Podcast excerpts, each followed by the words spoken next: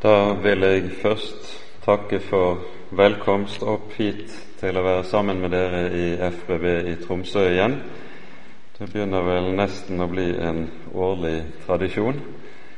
Eh, jeg har satt stor pris på det fellesskapet som vi får lov til å oppleve her.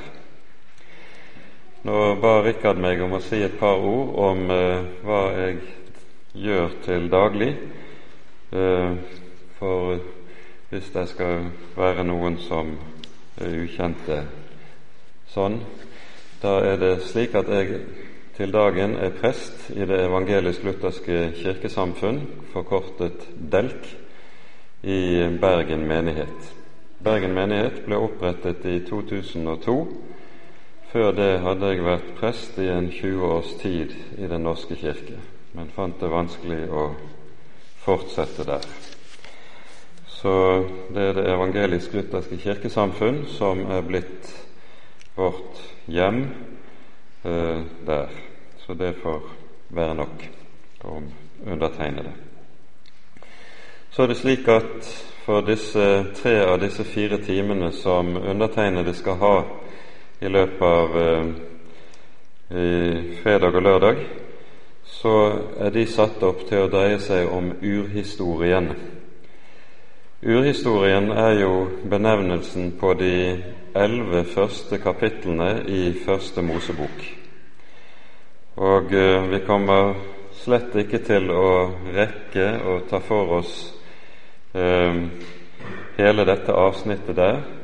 Det blir nok de tre-fire første kapitlene i Første Mosebok vi kommer til å konsentrere oss om, og som vi vil rekke å se noe nærmere på.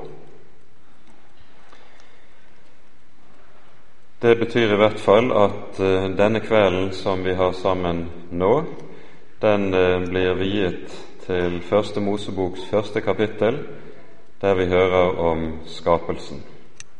Men la oss be sammen før vi går videre. Kjære du vår Herre, du vår Gud og vår Far. Til deg kommer vi og takker og lover deg for all din nåde og all din godhet imot oss. Du har skapt oss, du har holdt oss oppe like til denne dag. Du har båret over med alle våre overtredelser og gitt oss din egen sønn til frelse. Så ber vi, gode Herre og Gud, kom du, vær hos oss med din Hellige Ånd for at vi også må forstå dine ord rett. Amen.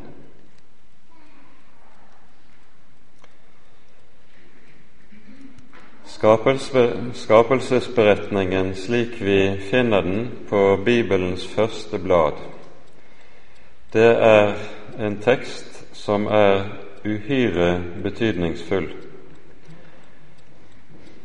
Jeg tror vi har lov til å si at uten de tre første kapitlene i vår bibel, uten det som berettes i disse tre første kapitlene, så vil hele det øvrige av Skriftens budskap komme til å henge i løse luften. Det vi hører i, på Bibelens første blad, det gir oss for det første både den grunnleggende Guds forståelse og Guds bilde, for å bruke et populært ord blant teologene, samtidig som det også maler for oss den grunnleggende virkelighetsforståelse, hvorledes vi skal tenke om hele den verden og hele den virkelighet som vi er satt inn i.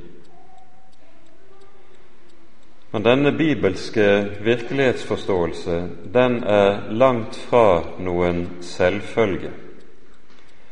Og ikke minst i våre dager hvor troen på skapelsen i meget høy utstrekning er blitt borte blant de fleste mennesker, så skjønner en lite poenget med å tale om det vi leser her i Bibelens begynnelse.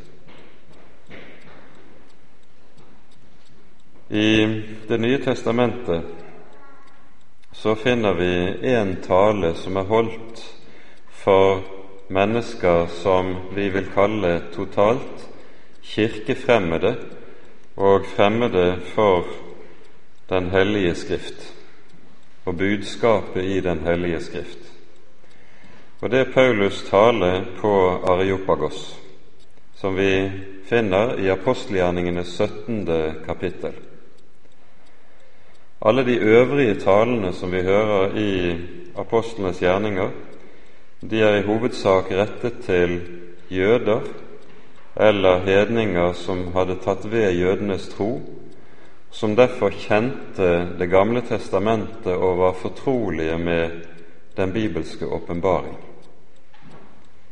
Men dette gjelder ikke for disse som Paulus taler på til her på Areopagos. De er grekere, opplært i den greske kultur og filosofi, og kjenner overhodet ikke den bibelske åpenbaring. Da er det meget tankevekkende at det første Paulus gjør når han skal tale til disse fremmede, det er at han nettopp henter frem beretningen om skapelsen og forkynner Gud som skaper. Og vi tar oss tid til å begynne med å lese noen par vers her fra talen i apostelgjerningene kapittel 17.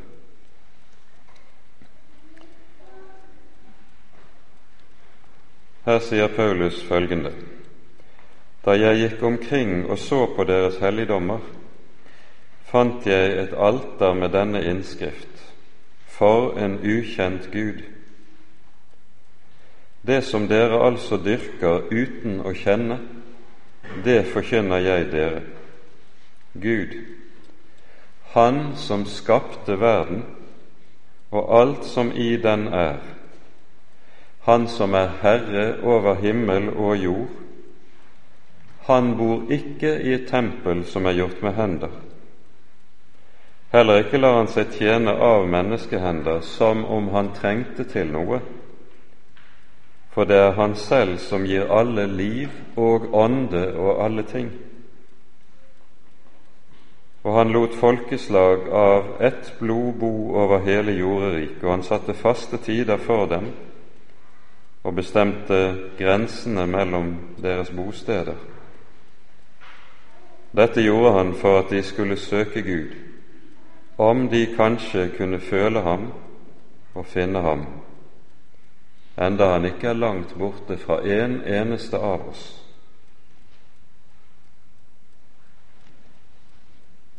Det vi her hører, det er altså at Paulus forkynner om skapelsen og om Skaperen. Hvorfor gjør han det? Han forkynner dette inn i et hedenskap som fullstendig mangler bevissthet og forståelse om dette. Mangler bevissthet om at det er en Gud som har skapt også meg.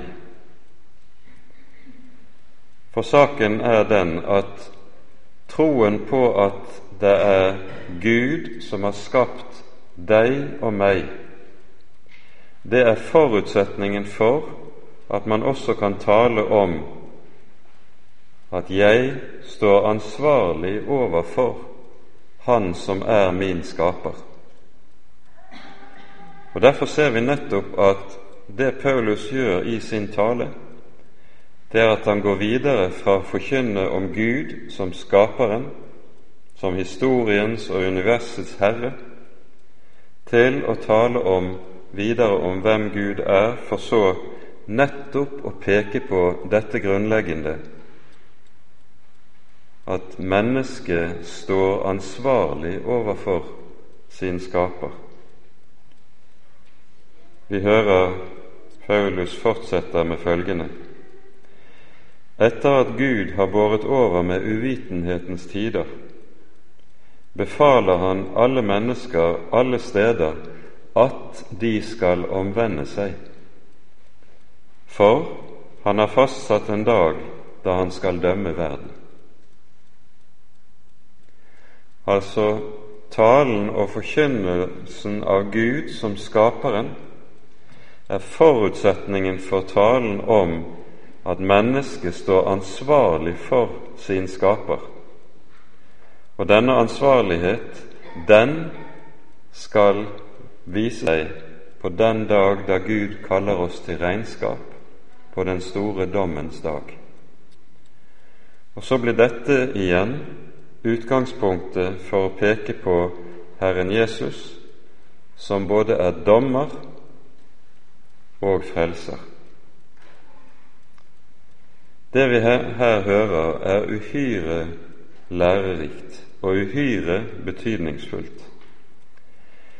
Fordi det vi står overfor i vår kultursituasjon, det er jo i økende utstrekning slik at menneskene har mistet bevissthet om nettopp at de har en skaper, og derfor også finner det meget, meget vanskelig å tro på og å akseptere at en skal stå ansvarlig overfor Gud. I stedet hører du det moderne mennesket ytre seg omtrent som følger. Hvis det i det hele tatt finnes en Gud, så er det vi som likesom kan kreve ham til regnskap. Det moderne mennesket snur alle ting på hodet på denne måten og gjør seg selv til Guds dommer. Og Bakenfor dette ligger nettopp tapet av troen på og bevisstheten om at Gud er skaperen. Gud er den som har gjort hele den virkelighet som vi står i og lever i. Og Dette er noe av det grunnleggende i den kristne tro. Den kristne tro står og faller med troen på at Gud er nettopp virkelighetens Gud, den virkelige verden som vi lever i.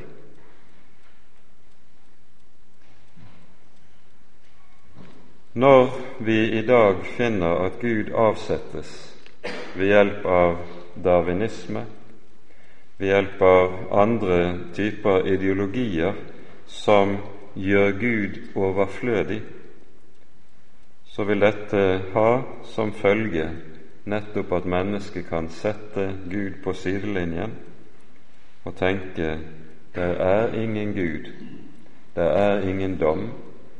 Gud blir irrelevant for livet. I Hebreabrevet leser vi slik i det ellevte kapittel ved tro forstår vi at Gud skapte verden ved sitt ord, slik at de ting som sees, er blitt til av det som ikke sees. Dette lærer oss en annen sak som også er betydningsfull. De grunnleggende ting som har med verdens skapelse å gjøre, det er noe som mennesket ikke kan forstå uten videre på grunnlag av egen forståelse og granskning. Det er noe som forstås, hører vi, ved tro. Og hva gjør troen?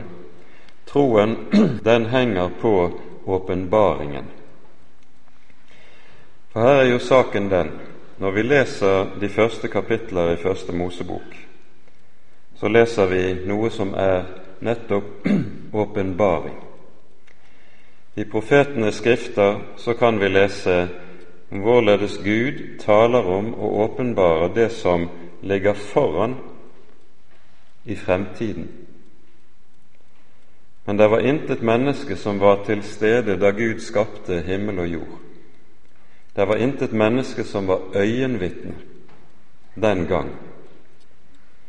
Det Gud gjør når vi får skapelsesberetningen, det er at han åpenbarer hva intet øye har sett, intet øre har hørt, og ved tro forstår vi disse ting. Og Det er det som er skapelsesberetningens rolle. Disse første kapitler i Bibelen har altså den betydning, og jeg gjentar det, at uten disse blir alt annet i Skriften uforståelig. Dette utgjør så å si det rammeverk som alt annet i Den hellige Skrift henger på og henger sammen med. Når det moderne mennesket avskriver de første kapitlene i Første Mosebok, så gjøres det ofte ved å hevde at det vi her leser, det er primitive menneskers forestilling om hvordan verden ble til, mens vi med vårt naturvitenskapelige og avanserte verdensbilde vet så meget bedre dette er noe som hører til på historiens skraphaug. Da trenger man i møte med en sånn påstand å stille et spørsmål. Er det virkelig slik at det vi hører i skapelsesberetningen i Første Mosebok, blott og bart er et speilbilde av hvordan datidens mennesker tenkte om Gud og om verdens tilblivelse, og at det altså nettopp derfor er noe som kan sies å være utdatert. Da må man videre gjøre seg klar over hvordan var menneskenes forestillinger om hvordan verden var blitt til den gang Bibelen ble skrevet. Det vet man faktisk ganske meget om. Arkeologien har de siste 150 år gravet ut en rekke biblioteker i det gamle Midtøsten, fra Babylon, fra det gamle Sumer, kananittiske, hetittiske og egyptiske biblioteker, der man finner også religiøse skrifter som gir oss skapelsesberetninger eller skapelsesmyter, vil det være riktigere å si. Og disse skapelsesmytene forteller oss rikelig hvordan man i datiden tenkte om verdens tilblivelse. Og Det som meget klart faller i øynene, det er at den bibelske skapelsesberetning ikke svarer til noe av det vi finner i Bibelens samtid for øvrig. Den bibelske skapelsesberetning er noe som går på tvers av det som var vanlig å tenke i samtiden. Jeg skal bare peke på ett eksempel på dette, men dette er meget typisk for hvorledes eh, en tenkte i en rekke av de øvrige skapelsesmytene i datiden. I Babylon finner man en skapelsesberetning i et skrift som kalles for Enuma Elish. Dette skriver seg fra det skriftet man har funnet, skriver seg fra det syvende århundre før Kristus, men myten er antagelig minst 1000 år eldre, kanskje enda mer. Her fortelles det følgende om hvorledes verden ble til. I begynnelsen var urhavet, og urhavet bestod av to deler, det salte og det ferske vann. Og Disse to bestanddeler inneholdt skaperpotensialet i seg. Så kommer det en uro som fører til at det salte og det ferske vann blander seg, og ut av dette fødes det første urvesen som er guddommelig og kalles Tiamat. Og Tiamat føder så de følgende guddommelige vesener. Etter hvert blir det strid i gudeverden, og gudene velger seg en leder som i Babylon heter Marduk. Og Marduk dreper Tiamat, urvesenet, uruhyret. Og av Tiamats kropp skaper Marduk så jorden. Av blodet fra hennes kropp skaper han mennesket. Dette er den babylonske skapelsesmyten. Hva er det som kjennetegner denne, til forskjell fra Bibelens skapelsesberetning? Det første vi skal merke oss, det er at både denne skapelsesmyten og sammen med alle de øvrige vi finner i antikkens verden, det er ikke bare det man kaller kosmogonier, altså beretninger om hvordan man tenkte seg verden ble til. Men det er også teogonier, dvs. Si en beretning om når gudene ble til. Gudene har nemlig ikke vært evige. Gudene er blitt til en gang i tiden. For det andre legger vi merke til og det er også den annen betydningsfulle forskjell mellom Bibelens skapelsesberetning og det du finner i disse skapelsesmytene. Det er at gudene de er laget av det samme stoff som skaperverket for øvrig. Guder, mennesker, skaperverket, det er alt sammen laget av det samme stoff. Og Det betyr for det første prinsipielt at det ikke er noen vesensforskjell mellom guder og mennesker i disse gamle skapelsesmytene. Den eneste forskjellen er at gudene er mektigere, de lever lenger enn menneskene fordi de ble til meget før dem. Og for det andre i det vi ser i skapelsesberetningen i Første Mosebok, er at det er et fundamentalt skille mellom Gud og hans skaperverk. Skaperverket blir aldri guddommelig og har aldri guddommelige kvaliteter. Det har det i skapelsesmytene i antikken. Og Allerede her så ser vi altså hvorledes Bibelen på helt grunnleggende plan skiller seg fra hvordan man tenkte i samtiden. Og så trer Første Mosebok 1 frem som noe som er åpenbaring fra den levende Gud om hvorledes Han gjorde det den gang Han skapte. Men det vi også da skal være klar over,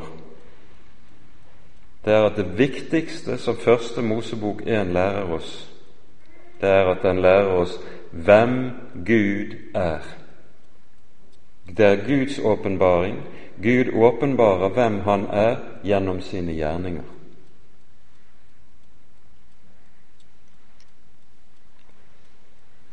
Når Gud på denne måten er skaperen,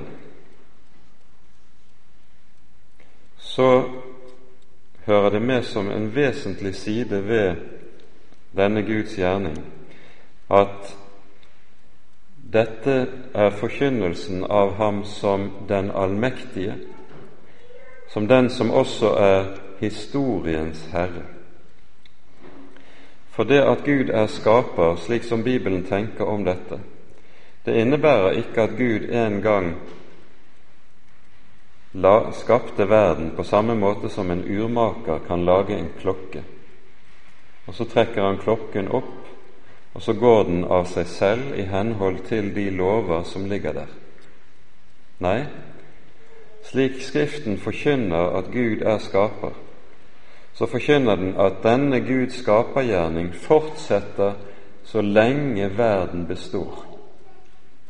Noe som Luther gir veldig tydelig uttrykk for i forklaringen til første trosartikkel. Han sier 'Jeg tror at Gud har skapt meg' og alle andre skapninger, og gitt meg øre, øye osv. Og, og alle evner og alt jeg ellers har i livet. Med dette så setter Luther frem for oss dette at det at Gud er skaper, det betyr at han er aktivt virkende i den verden vi lever i, i den faktiske virkelighet. Han er ikke en Gud som har trukket seg tilbake og overlatt verden til seg selv. Tvert om, han er den levende Gud, som fordi han er den allmektige, også er den virkende gjennom hele historien inntil enden. Han er skaperen.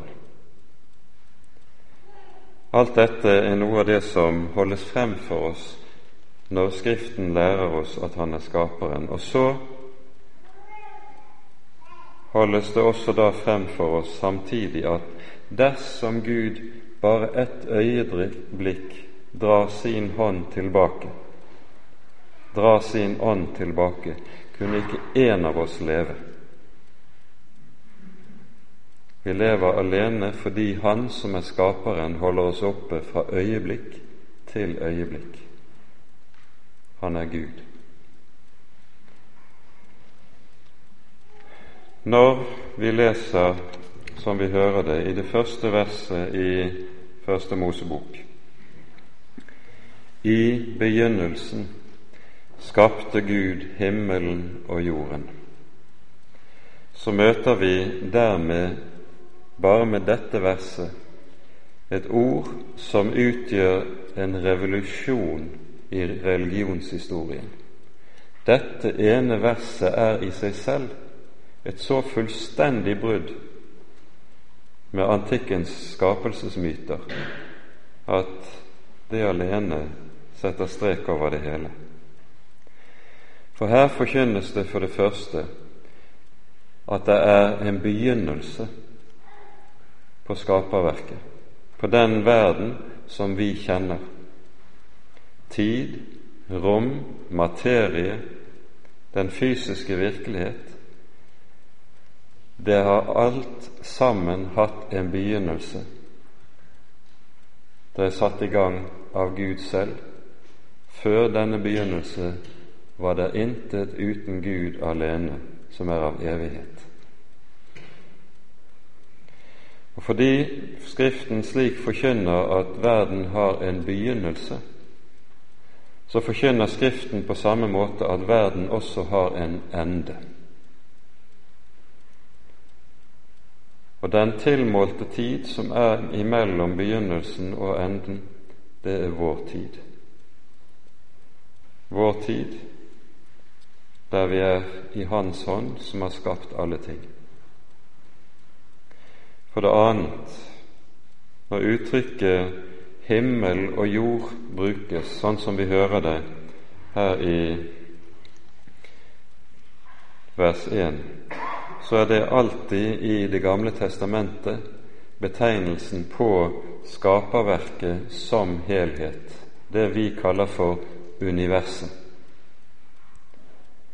Hele universet med dets utrolige og uendelige velde, det er blitt til ved Hans ord, som er alle tings opphav. Og så sies det Gud skapte. Dette verbet som her anvendes, det er et helt særegent verb. Det kommer ikke godt frem i våre oversettelser og våre, vår, etter vår språkforståelse. Men her anvender grunnteksten et verb som bare kan brukes med Gud som subjekt.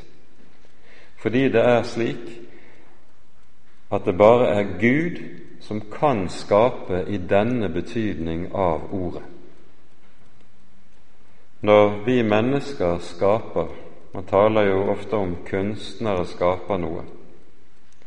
Så gjør de det gjennom å anvende et materiale og bearbeide et materiale de har fra forhånd.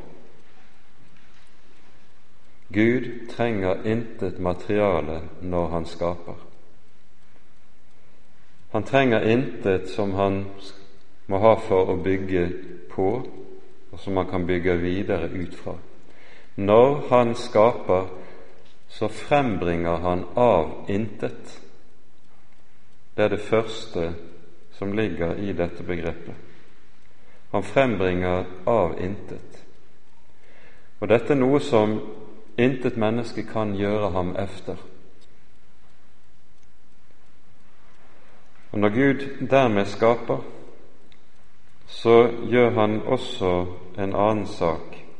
Han det han frembringer når han skaper, det er noe som er kvalitativt nytt og kvalitativt annerledes enn alt som har vært før. Av denne grunn ser vi at dette særegne ordet for å skape, det anvendes i tre ulike vers her i Første Mosebok 1. Først i det første verset som vi hører. I begynnelsen skapte Gud himmel og jord. Dernest anvendes ordet i vers 21. Gud skapte de store sjødyr og alle de levende sjeler som rører seg. Når livet frembringes, så er livet noe som er kvalitativt forskjellig og kvalitativt nytt i forhold til det uorganiske liv som er blitt til forut for dette. Og Derfor anvendes verbet 'å skape' på ny denne gang. Det tredje verset der vi hører ordet 'skape' anvendes, det er i vers 27, når vi hører om skapelsen av mennesket. Gud skapte mennesket i sitt bilde. I Guds bilde skapte han det, til mann og kvinne skapte han dem. Og Her anvendes altså dette særegne verbet tre ganger bare i dette ene vers. Noe som angir for oss at når mennesket blir skapes, så er det noe som på ny er kvalitativt forskjellig, kvalitativt nytt i forhold til dyrene som er skapt forut for dette. Mennesket er ikke blott og bart et høyere stående dyr, en ape som er kløvet ned fra trærne. Mennesket er skapt i Guds bilde. Og denne særstilling som mennesket dermed settes i, det angir Skriften gjennom flere særegne saker som sies nettopp i forbindelse med mennesket. For det første så hører vi at når mennesket skal skapes, så er det en rådslagning hos Gud som ligger til grunn for å gå forut for menneskets skapelse. La oss gjøre mennesket i vårt bilde og etter vår lignelse. Det er en rådslagning mellom de tre personer i Gud som ligger til grunn for skapelsen av mennesket. For det andre så sies det om mennesket at det er skapt i Guds bilde og etter Hans lignelse. Dette sies ikke om noe av den øvrige skapning, ikke noe annet levende vesen, for det sagt om seg.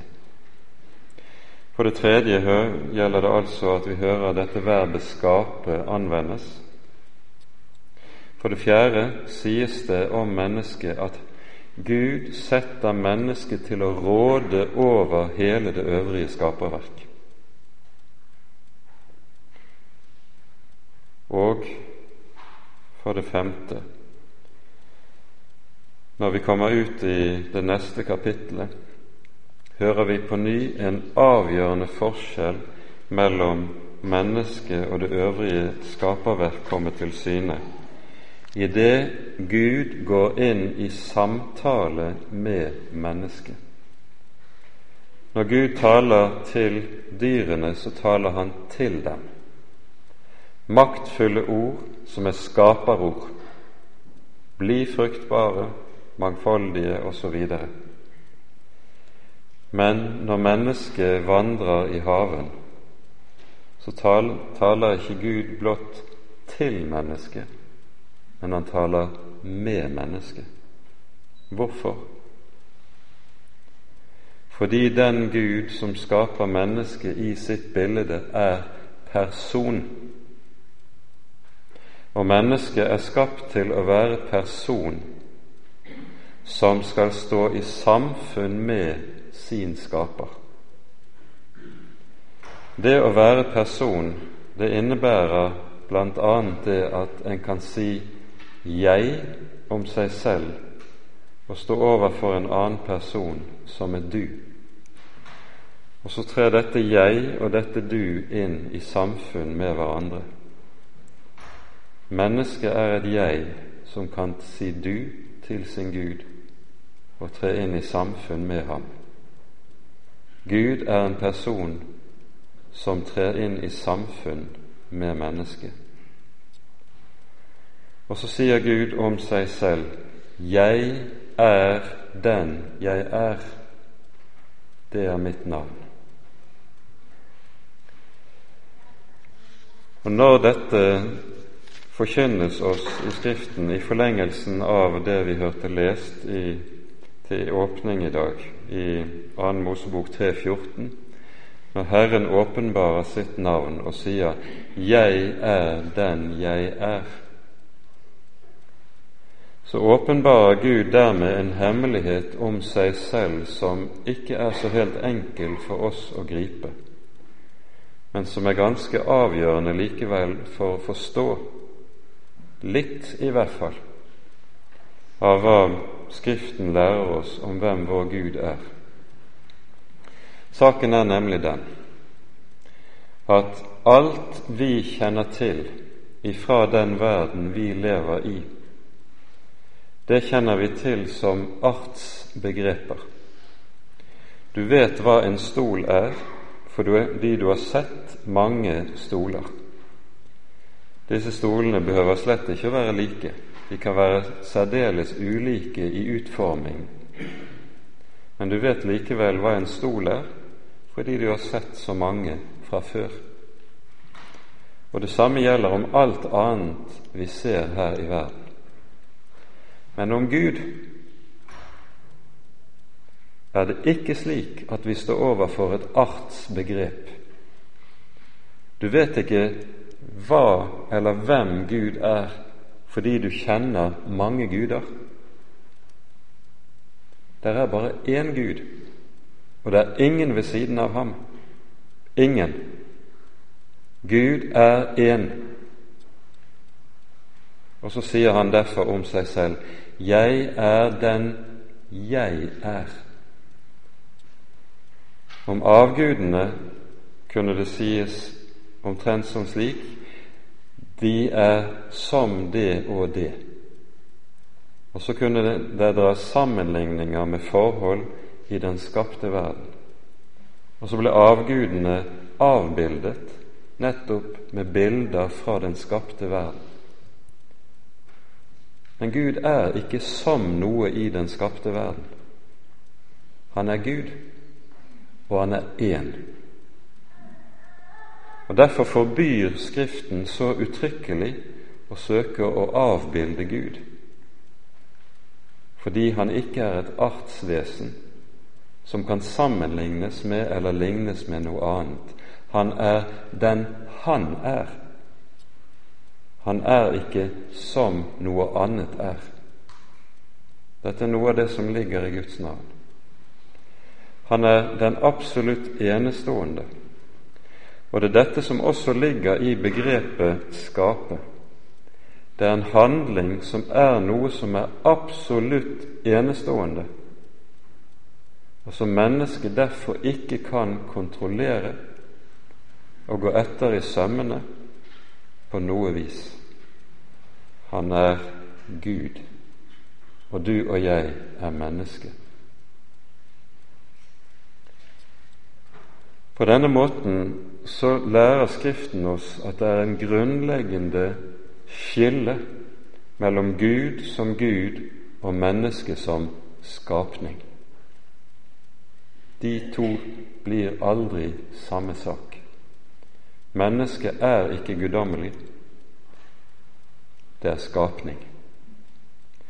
Og fordi det er skapning, så står det overfor Gud, den allmektige, som den som må svare regnskap. Det å erkjenne at Gud er Gud, det er samtidig å vite litt om hva som er min plass. For når Paulus står på Areopagos og taler som vi hørte det, først forkynner han om Skaperen og skapelsen, og så lyder det Derfor befaler Gud nå alle mennesker på alle steder at de skal vende om. Gud sier ikke 'kunne du tenke deg å vende om'?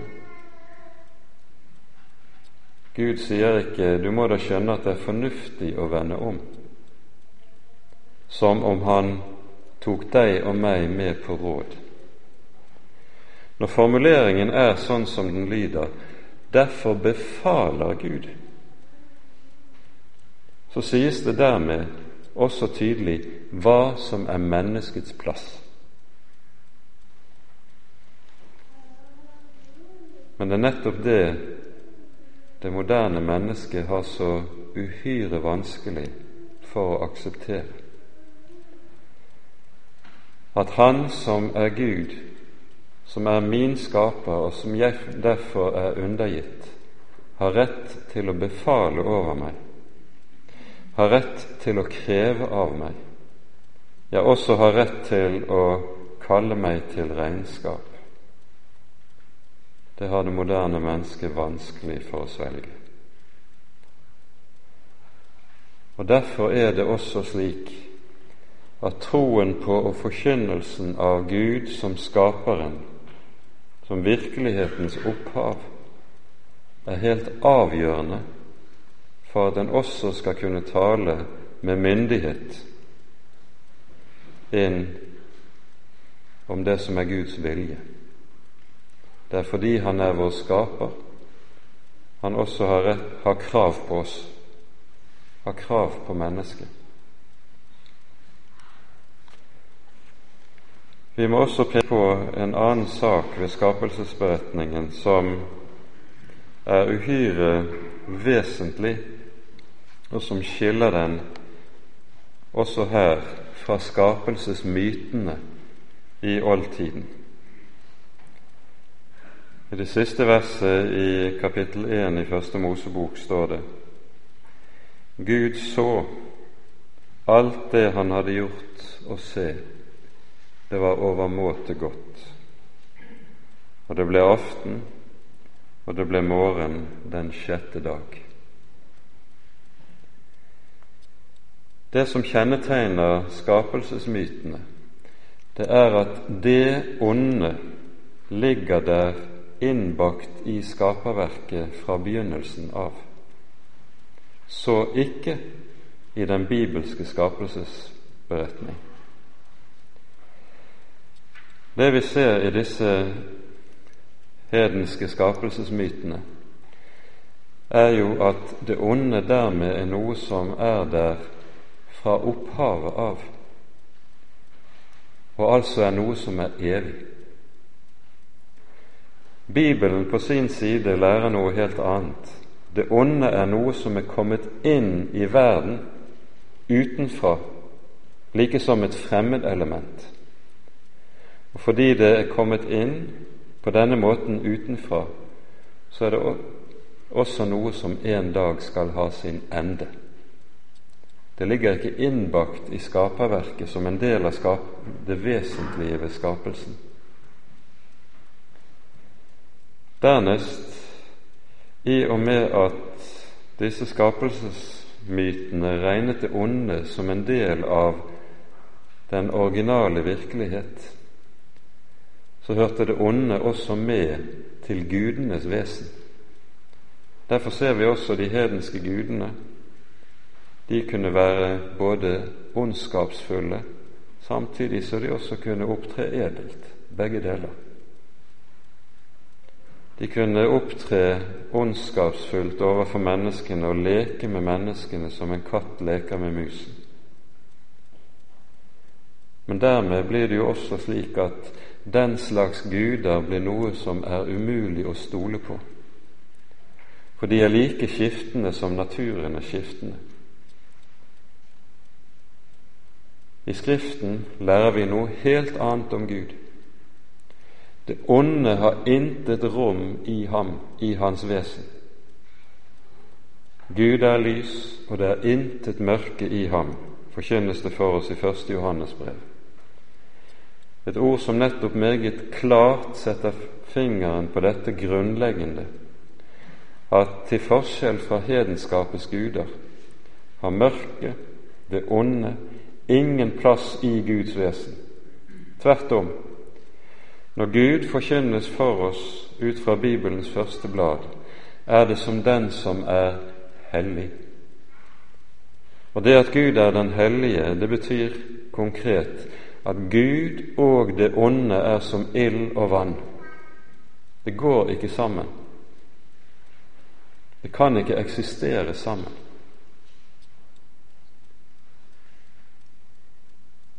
Gud så at alt det han hadde gjort, var godt. Når skaperverket kalles godt, er det fordi Han som har gjort det alt sammen, er god. Skaperverket er et bilde av hans egen godhet. Og Med det så lærer Bibelen oss også en annen sak som er ganske betydningsfull, nemlig at når den skapte virkelighet er god, så skal vi takke Gud for den. I en god del av åndshistorien og teologihistorien har man hatt den retning som kalles for askese, som tenker som så at den skapte verden, den er noe som må forsakes. Bakgrunnen for dette har vært Platons tenkning om at den egentlige gode virkelighet er den åndelige virkelighet, mens den materielle virkelighet, den fysiske verden, den er mindreverdig. Den er noe mennesket må frelses fra. Nei, lærer Bibelen oss, det er ikke den fysiske virkelighet som er ond. Den materielle virkelighet, den er god, den, slik den er fremtrådt av Guds hånd. Men synden har kommet inn i verden som en fiendtlig makt som behersker den. Og så er det synden som er ond. Så er det djevelen som er ond. Men den skapte verden er god.